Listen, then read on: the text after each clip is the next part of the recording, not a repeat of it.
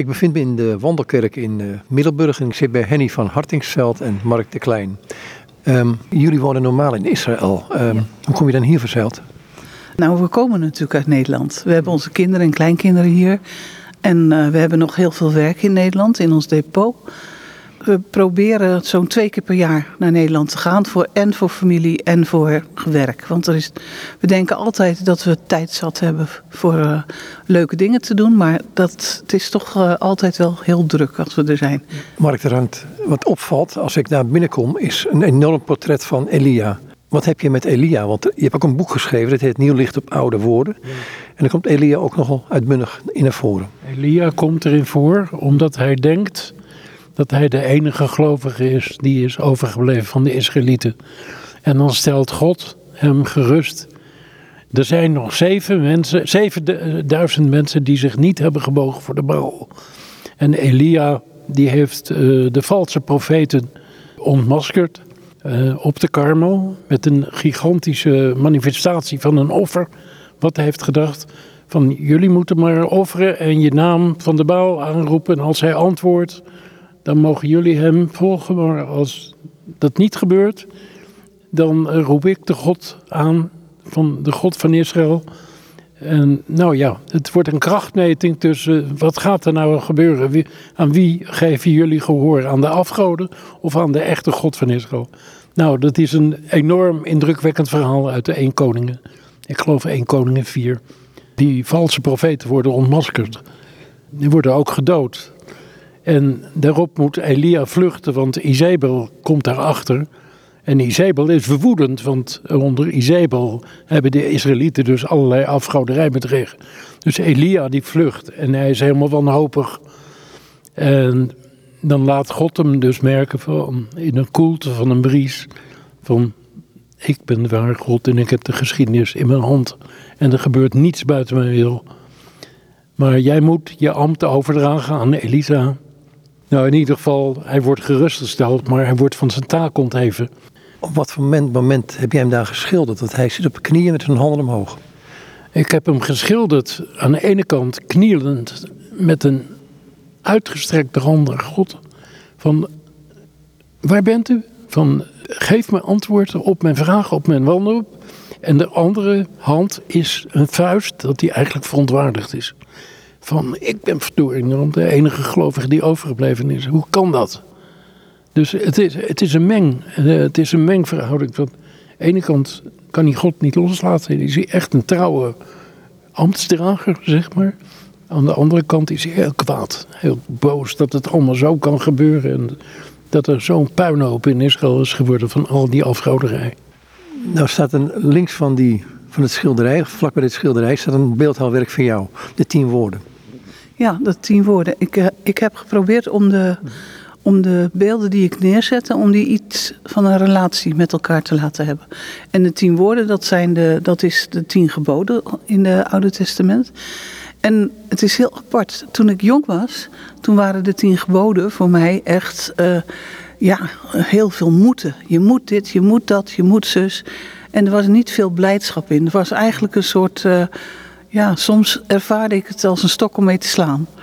Naarmate ik ouder word, ben ik die tien woorden gaan liefhebben en denk ik van hé, hey, het is eigenlijk andersom. Want het eerste gebod is van je hebt God lief boven alles en dan je naast als jezelf. En dat, dat eerste gebod, als je God lief hebt, als de consequentie daarvan, dan um, dan doe je dit niet. En dan doe je dat niet. En dan moord je niet. En dan, dan lieg je niet. En dan bedrieg je niet. Dat is gewoon de logische consequentie van iemand die je lief, heeft, lief hebt. En dat vond ik een, eh, een ontdekking. En dat vond ik ook heel mooi. Achteraf heb ik gemerkt dat het heel joods is om het zo te zien. Maar dat wist ik toen nog niet.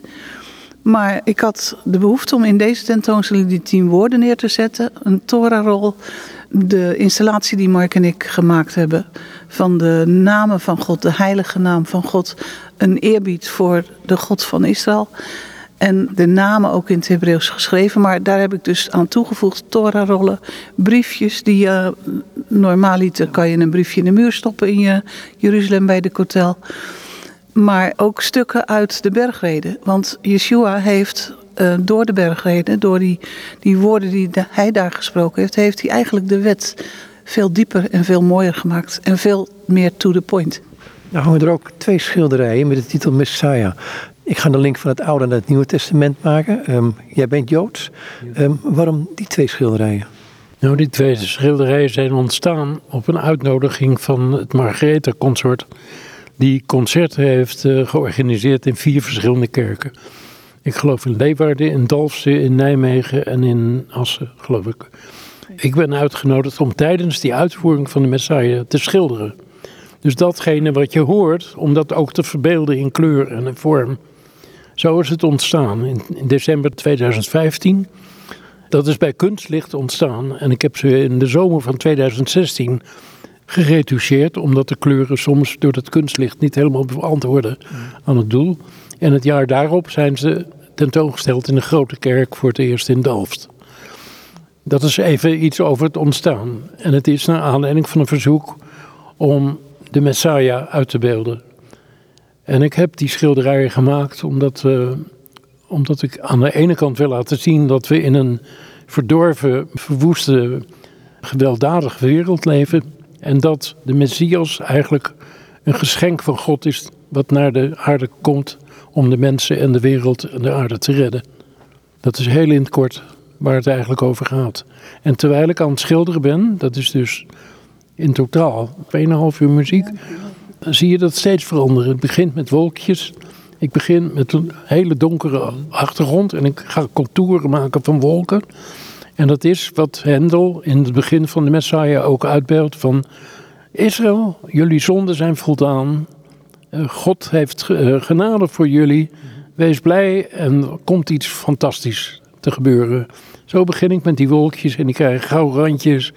En op een gegeven moment komen de kleurbanen van de Messias. Die komen dus naar beneden. Kun je dan geluid in beeld uitdrukken? Dan heb je gezegd de Messiah, die hoor je van Hendel. En dan maak je nou, beeld erbij. Want wat, het doet mij altijd een beetje denken aan, aan het, het, gebrek van taal wat we hebben. Taal is het meeste wat we hebben. Maar er zijn abstracties in ons. Die kunnen we bijna niet.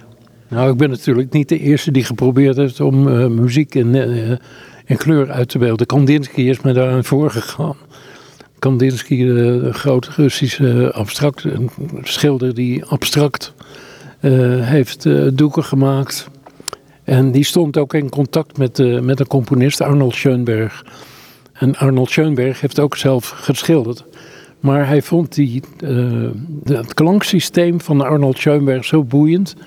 Dat was zo bevrijdend vanuit de hele melodische geschiedenis van de muziek dat Arnold Schoenberg heeft echt iets nieuws gedaan. En ik denk dat de Kandinsky op zijn manier met die kleurige aquarellen waarmee hij in uh, eh, 1911 begon, dat hij ook iets nieuws heeft uitgebeeld. En inderdaad ook klanken, zo abstract als klanken zijn, zo abstract wilde hij met vorm en kleur en ritme en structuur. Is, is het ook zo dat, dat sommige dingen die in ons leven, die wij ja, beleven, geloven, ik weet niet hoe ik het noemen moet, dat die bijna niet in woorden uit te drukken zijn en misschien wel op deze manier? Nou, dat is zeer zeker zo. En dat komt in de Bijbel ook voor. Als het bijvoorbeeld in openbaring over de, over de, nieuwe, eh, de, de nieuwe aarde en de nieuwe hemel gaat, of het Jeruzalem wat neerdaalt.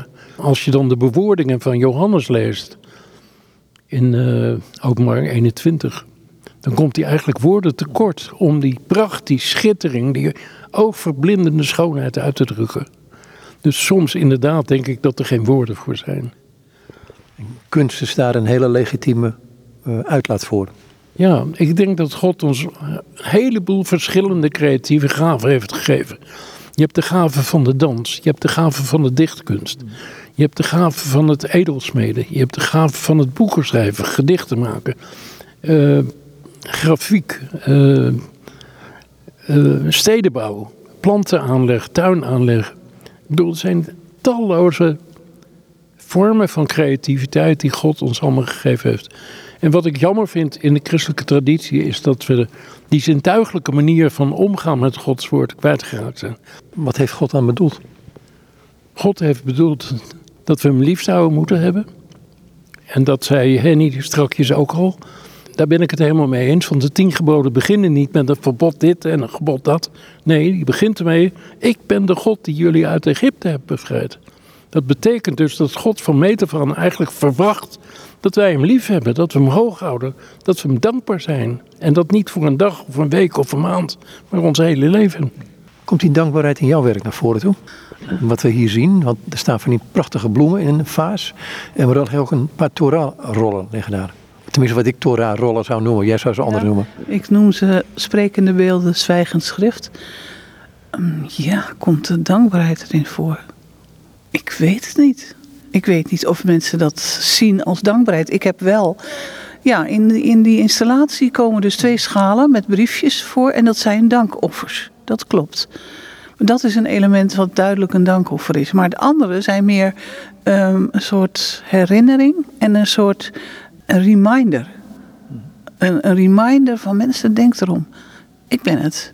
En luister naar mij. En heb me lief. En eh, dat is het eigenlijk meer.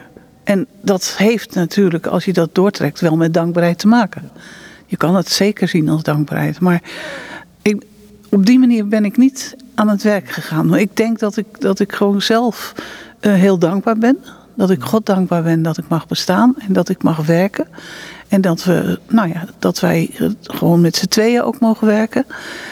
En dat wil ik ook graag, dat is mijn, eh, mijn passie.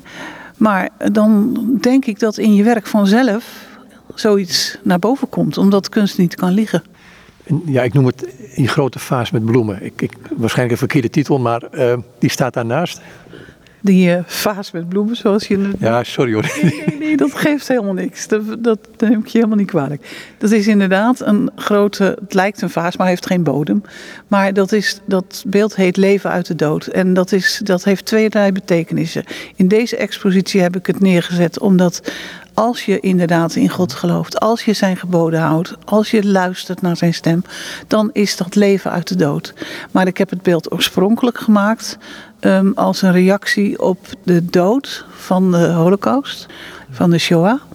En dat daar, dat daar toch leven uit voortkomt. Dus je ziet ook bij die, die, dat object dat er prikkeldraad omheen eh, gespannen is. Dus het, het is iets wat gevangen heeft gezeten en het is bevrijd. En dat symboliseert de lelies die daaruit eh, voortkomen en gaan bloeien. Want ook, ook in jouw werk ehm, speelt het een grote rol, de. Ja, enorm. Ik denk toen wij eh, in 1995 voor het eerst naar Auschwitz-Birkenau zijn geweest. Samen met eh, de groep Boete en Verzoening van Kees Brandy. Dat was voor mij een verpletterende ervaring. Want ik wist heleboel van, van het Jodendom, van de Shoah, van de Holocaust. Ik heb toch voor het Anne Frankhuis destijds in 1970 een tentoonstelling moeten maken. Daar heb ik allerlei foto's van eh, moeten verzamelen. Die foto's die waren zo verschrikkelijk. Die waren zo mensonterend dat ik bijna over mijn nek ging. En op het punt heb gestaan om een opdracht terug te geven. Ik vond het te heftig. Ik kon het bijna emotioneel niet aan. Ik heb het toch gedaan. Ik heb toch eh, tien panelen heb ik, eh, kunnen samenstellen met eh, allerlei foto's over die holocaust. Dus het heeft dus enorm veel indruk op gemaakt. Maar in die tijd, in 1970, 71, was ik alleen maar mentaal, intellectueel, verstandelijk, rationeel met het Jodendom bezig. Maar in 1995 kwam het binnen in mijn hart. Ik was toen in een omgeving. Ik heb die afschuwelijke barakkenkampen gezien, de folterkamers. Ik heb de, de, de doucheruimtes gezien die opgeblazen zijn door de Duitsers om sporen uit te wissen. Ik heb op de plek gestaan waar mijn grootouders hun kleren moesten uitdoen voordat ze vergast werden. Nou, ik, ik, weet niet hoe ik het had, maar eh, ik ben door de grond gegaan. Het gekke is, vanaf dat moment eh, heb ik dus beseft wat het is om Jood te zijn. Om te behoren tot het volk wat het meest gehaat is. Vandaag de dag nog steeds. Ik praat niet graag over antisemitisme, ik praat eerder over Jodenhaat. En dat is vandaag de dag nog zo. Het, is zelfs weer salonvee. Het uh, Jodenhaat, het mag weer. Terwijl mensen in de Tweede Wereldoorlog hebben begrepen, wat betekent dat eigenlijk als je Jood bent? Nou, ik heb het geweten.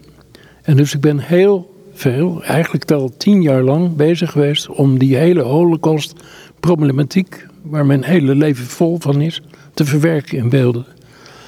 Maar dat was nog niet genoeg. Want ik ben uh, na al dat werk, na 2005, toen uh, hebben wij een aanvraag ingediend voor uh, steun. Want uit Duitsland krijg je dus via de claimsconferentie krijg je, heb je dus recht op een uitkering als je oorlogsslachtoffer bent. Als je de holocaust overlever bent. En om daartoe gerekend te worden, om, om uh, uh, zeg maar, om wettig uh, restitutiegeld te ontvangen, zeg maar, moest ik een hele vragenlijst invullen. En toen kwam het allemaal weer boven. En dat was het moment dat ik dacht van, oh, het heeft dus niet echt geholpen dat ik zoveel werk over de holocaust gemaakt heb. Vanaf dat moment ben ik, vanaf 2005 ben ik in therapie gegaan, psychotherapie. Ik heb een hele goede psychotherapeut gehad in het Sinai Centrum in uh, Amersfoort. Wij woonden in Kampen, dus ik reisde op en neer. Eén keer in de week, maar later werd het één keer in de twee weken. En in 2012, toen we toestemming kregen om naar Israël te emigreren, hebben we dat afgebouwd. Maar ik ben acht jaar in therapie geweest en dat heeft me gigantisch geholpen om over die holocaust-problematiek heen te komen. Want het waren altijd vragen die me bleven bezighouden. Waarom is de Tweede Wereldoorlog begonnen? En waarom krijgen uitgerekend de Joden daarvan de schuld? Dat begreep ik niet. We zitten hier in de Wandelkerk. Ehm, misschien een gekke vraag, maar jullie werken in Israël. Um, en er is ook materiaal vanuit Israël hier naartoe gekomen, in de galerie. Daar is ook nog een deel van deze expositie. Zit er ook werk van jou bij? Ja, ik heb wat kleinwerk meegenomen uit uh, Israël, omdat er gewoon op, uh, in een vitrine uh, werken geplaatst moesten worden. Maar het meeste werk voor mij komt uit het depot in, ja. wat wij hier in Nederland hebben. Want mijn werk is gewoon lastig vervoeren en dat is breekbaar. Nogal zwaar ook. En, de, en, die dingen in de vitrine, wat zijn het voor, een, wat voor voorwerpen zie ik daar? Um, een paar kleine huisjes, een soort gebedshuisjes. En verder wat sieraden, mezouza's, een prespapiers. Dus kleine dingen die mensen leuk vinden om te zien. En dat is ook echt in de galerie en heeft niet zoveel inhoudelijke betekenis. De gebedshuisjes wel, maar... Wat, wat, wat, zijn het gebedshuisjes? Wat moet ik me daarbij voorstellen als, als je dat zo vertelt? Nou, ik heb een, de vorm van een huisje gemaakt, maar dan niet echt een huis, maar lappen klei aan elkaar gemonteerd. Uh, er zit een uh, Davidster bovenaan, dat wat dus suggereert dat het iets met het Jodendom te maken heeft. Er zit bij een ander zit een, een soort toren en uh, er zitten openingen van ramen in. Ik, maar het is dus met lapjes klei ge, gemaakt en het is absoluut niet een, een echt huis, maar wel herkenbaar als een huis. Dus, maar waarom noem, je het dan een gebed, waarom noem je het een gebedshuis? Omdat ik het licht er binnen heb uh, laten. Ik heb er van binnen kleur gegeven. Ik noem het onder andere gebedshuis, omdat ik er echt een Davidster bewust op gedaan heb. Dus als een soort synagoge. Het is een beetje een intiem plekje waar je je terug kan trekken in het gebed. Er hangt ook in, in de galerie nieuw materiaal van jou, wat ook in het boek gebruikt is. Um, ik heb 16 uh, aquarellen meegenomen vanuit Israël, twee series van acht een blauwe serie aquarellen en een rode serie aquarellen. Het gaat over het licht wat schijnt en het licht wordt steeds sterker. Steeds sterker, steeds sterker. En de onderliggende thematiek, de verhalen die je vindt in, in Genesis en in Exodus en ook in Numeri, dat zijn niet zomaar verhaaltjes. Dat zijn verhalen met een hele diepe betekenis, een diepe bedoeling. En dat is Gods manier om mensen duidelijk te maken hoe God de mens ziet en ook hoe de mens reageert op het woord van God. Ik ben als Jood eigenlijk teruggekeerd naar de Torah. Naar de Torah, naar de echte openbaring van God op de berg Horeb in de Sinai-woestijn. En dat vind ik een onuitputtelijke schat. Het is een universeel gegeven. De Bijbel is nooit achterhaald te verklaren. Het blijft actueel tot op de laatste dag van de geschiedenis, denk ik je hebt net, net iets over de, de show verteld, over wat ik jou gedaan heeft. Toch hangt hier, ik ga nog één keer hier naar deze tentoonstelling, een schilderij dat heet Levensvreugde. Ja. ja. Het lijkt een tegenstelling, hè? als je de woorden van God serieus neemt, op je laat inwerken, als je begint met dankbaarheid. Henny zei het straks al, van ik ben dankbaar dat ik mag leven en dat ik mag werken. Die dankbaarheid ken ik ook. En die dankbaarheid is iets om blij mee te zijn. En dat kan je, als je dat echt beleeft van binnenuit, kan je dat ook uitstralen naar andere mensen. Ik heb dat beeld uh, levensvreugde ook laten zien. Want Bijbel is niet een boek met alleen maar ondergang en verderf en vernietiging en dood. Nee, het gaat ook over de opstanding. Het gaat ook over het nieuwe leven. Over het eeuwige leven zelfs. En ik vind Matisse, dat blauwe figuurtje wat in het schilderij zit van die levensvreugde, heb ik ontleend aan Matisse. Want Matisse is voor mij een moderne schilder die de blije kant van het leven altijd heeft willen uitbeelden. Heel anders dan Picasso en heel anders dan Goya. Mensen die met de vernietiging bezig zijn geweest. Matisse deed dat niet. Die twee kanten van, van blijdschap en verdriet, wat ik, wat bij jou proef, uh, zijn, dat, zijn die met elkaar verweven? Ja, op een hele diepe manier zelfs. Ik denk dat je de verlossing die Yeshua ons kon brengen pas kan beleven als je weet dat je in een hel terecht bent gekomen. Weet je wat Jean-Paul Sartre zei, de filosoof? De hel, dat zijn de anderen. Nou, ik kan me voorstellen dat Sartre in het na Tweede Wereldoorlog heeft gezegd: wij leven in een hel. Wij hebben van de wereld een hel gemaakt.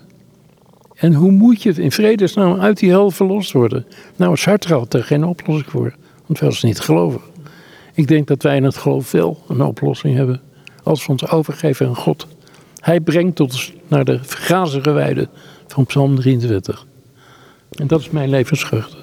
Ik zit met uh, Mark de Klein en Henny van Hartingsveld op de expositie Geraakt en Bewogen in de Wandelkerk in Middelburg. Um, ik wil niet naar een uh, geëxposeerd beeld of schilderij gaan, maar nu naar een gedicht.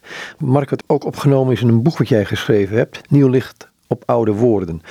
Maar ik wil naar het gedicht gaan en daar eigenlijk met die gedachte rond Emma's waar ik wilde ik eindigen in dit gesprek. Uh, Henny, het is een gedicht van jou. Zou jij het voor kunnen dragen? Dit is het gedicht Emmaus. Twee mannen onderweg, druk gesticulerend, opgewonden, elkaar bevragend zo de mores is, op weg naar Emmaus. Een derde voegt zich bij, in het gesprek verbaasd over onwetendheid, wat is gebeurd, kijken de partners elkaar aan. Weet u het niet? Hebt u het niet gehoord? Heeft niemand u het fijne meegedeeld? De man schudt lopend naast hen voort het hoofd, begint met grote liefde zijn verhaal. Heer Mosje komt voorbij, het Torah-onderwijs. Profeten worden bijgesleept. De mannen zijn verbaasd, zijn kennis dringt zich langzaam aan hen op. Gearriveerd in Emmaus wacht hen een sober maal. Schuif aan, vriend, en vertel ons meer van wat u weet. De honger naar de stoffengrijs is groot. De woorden worden ingedronken. De beker in zijn hand geheven, de braga gesproken. Het brood gedeeld. Dan volgt een stilte, die de mannen om zich heen doen zien. Verbijsterd merken zij de leegte op. De vreemde die hun aandacht trok, is in het niets als opgelost. Verdwaasd aanschouwen zij de ruimte. Plots in het donker van de nacht breekt licht hun harten binnen. Een ongekende warmte overstraalt de woorden die hij heeft gedeeld. Ze vallen op de schedelplaats. Hun ogen glanzen van herkenning aan de tijd waarin zij samen volgden. De maaltijd blijft onaangeroerd. De noodzaak terug te gaan, nu sterker dan de honger, de vrienden moeten weten wat er is gebeurd. Zo snellen zij Jeruzalem weer binnen. De duisternis van dagen achtereen maakt plaats voor eeuwig licht. De dood is overwonnen. Ik heb dit ooit door een, eh, een priester die ik interviewde. Die zei van ja, die vond dit een van de mooiste passages uit de Bijbel. Hij zegt, want de Heer Jezus ging in wezen met hen de verkeerde kant op in eerste instantie.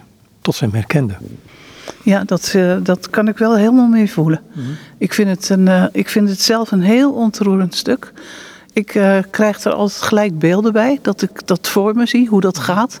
En dat ze dan ineens, nou, wij zouden zeggen van, hè? Ineens wat, wat gebeurt hier? We zouden echt uh, in, in een soort, uh, ja, in verbijstering raken. Zo heb ik het ook ervaren toen ik het schreef. Want ik vind, het, als zoiets gebeurt en iemand is er dus ineens niet meer, maar dan, dan ineens hoor je wat hij allemaal heeft gezegd. Dan komt het ineens binnen. Daarvoor was het gewoon een verhaal en een geschiedenis en het van het verleden. Maar als dan blijkt dat die persoon die uh, braga zegt en het uh, brood deelt en die wijn die beker heft, dan is er, dan is er waarschijnlijk een soort heiligheid te zien. Dat, dat merk je. Nou, dan die verbijstering en dan dat ze zoiets hebben van... we moeten gelijk terug. Dat ze helemaal vergeten om te eten. Ze hadden hartstikke honger, maar ze moesten weer helemaal terug. En dat, was een, dat is een behoorlijk end van Emmaus naar uh, Jeruzalem. Dat is minstens iets van uh, 20, 25 kilometer. En dat lopend, dat duurt wel even voordat je er weer bent. Dus het is, ik vind het een heel bijzonder verhaal. En Yeshua heeft zich aan hen op zo'n mooie manier uh, laten zien. Dat hij het is. En dat moet, dat moet toch iets heel bijzonders zijn. Hoe heeft hij dat aan jou laten zien?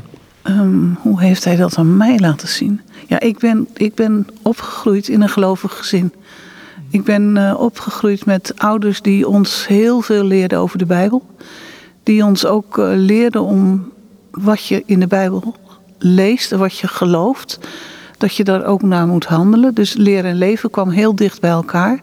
En ik heb, ben altijd heel blij geweest met God. Ik, heb, ik vond het fantastisch en ik heb altijd wel iets gevoeld. En er zijn wel momenten in mijn leven geweest die heel moeilijk waren. En dat ik in die periode eigenlijk nog veel dichter bij Yeshua kwam. En nog veel dichter bij het hart, hart van de Vader eigenlijk. Want voor mij is Yeshua degene die mij het lef geeft om naar de Vader te gaan. Want zonder hem zou ik dat niet kunnen. Omdat je gewoon weet als mens dat je het verknald hebt. Ja, dat, dat is iets heel bijzonders. Ik, ik, ik voel dan een hele diepe warmte in me.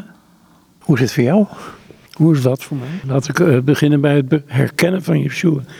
Dat is voor mij ook heel dichtbij gekomen in de, in de jaren dat ik uh, uit Zwitserland terugkwam nadat ik een opleiding voor grafisch ontwerper had gevolgd. Toen heb ik nog steeds rondgelopen met die twee vragen. Waarom de Tweede Wereldoorlog? Wat betekent het eigenlijk om Jood te zijn? Wat moet ik daarmee? Ik heb daarmee geworsteld, want uh, ik voelde wel zoiets dat er een godheid was. Maar ik was er eigenlijk bang voor, omdat ik dacht, ja, ik voldoe niet aan zijn eisen.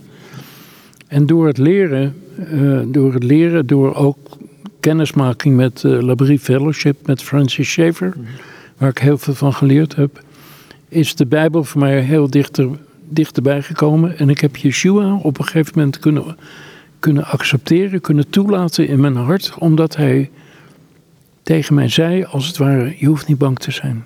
Je mag gewoon jezelf zijn. En ik zal je naar de Vader brengen.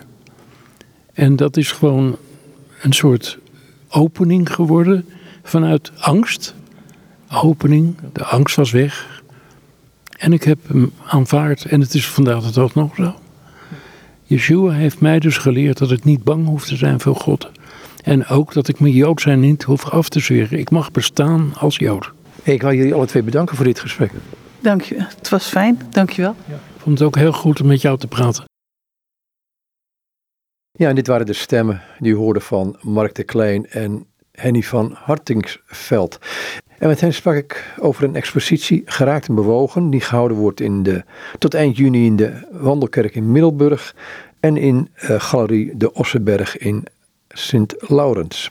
In het gesprek met uh, Mark en Henny werd gewacht gemaakt van een boek, Nieuw licht op oude woorden. Daar volgt nog een keer een langer interview over. Maar het boek is uitgegeven bij uitgeverij Buiten en Schipperheijn, Motief in Amsterdam.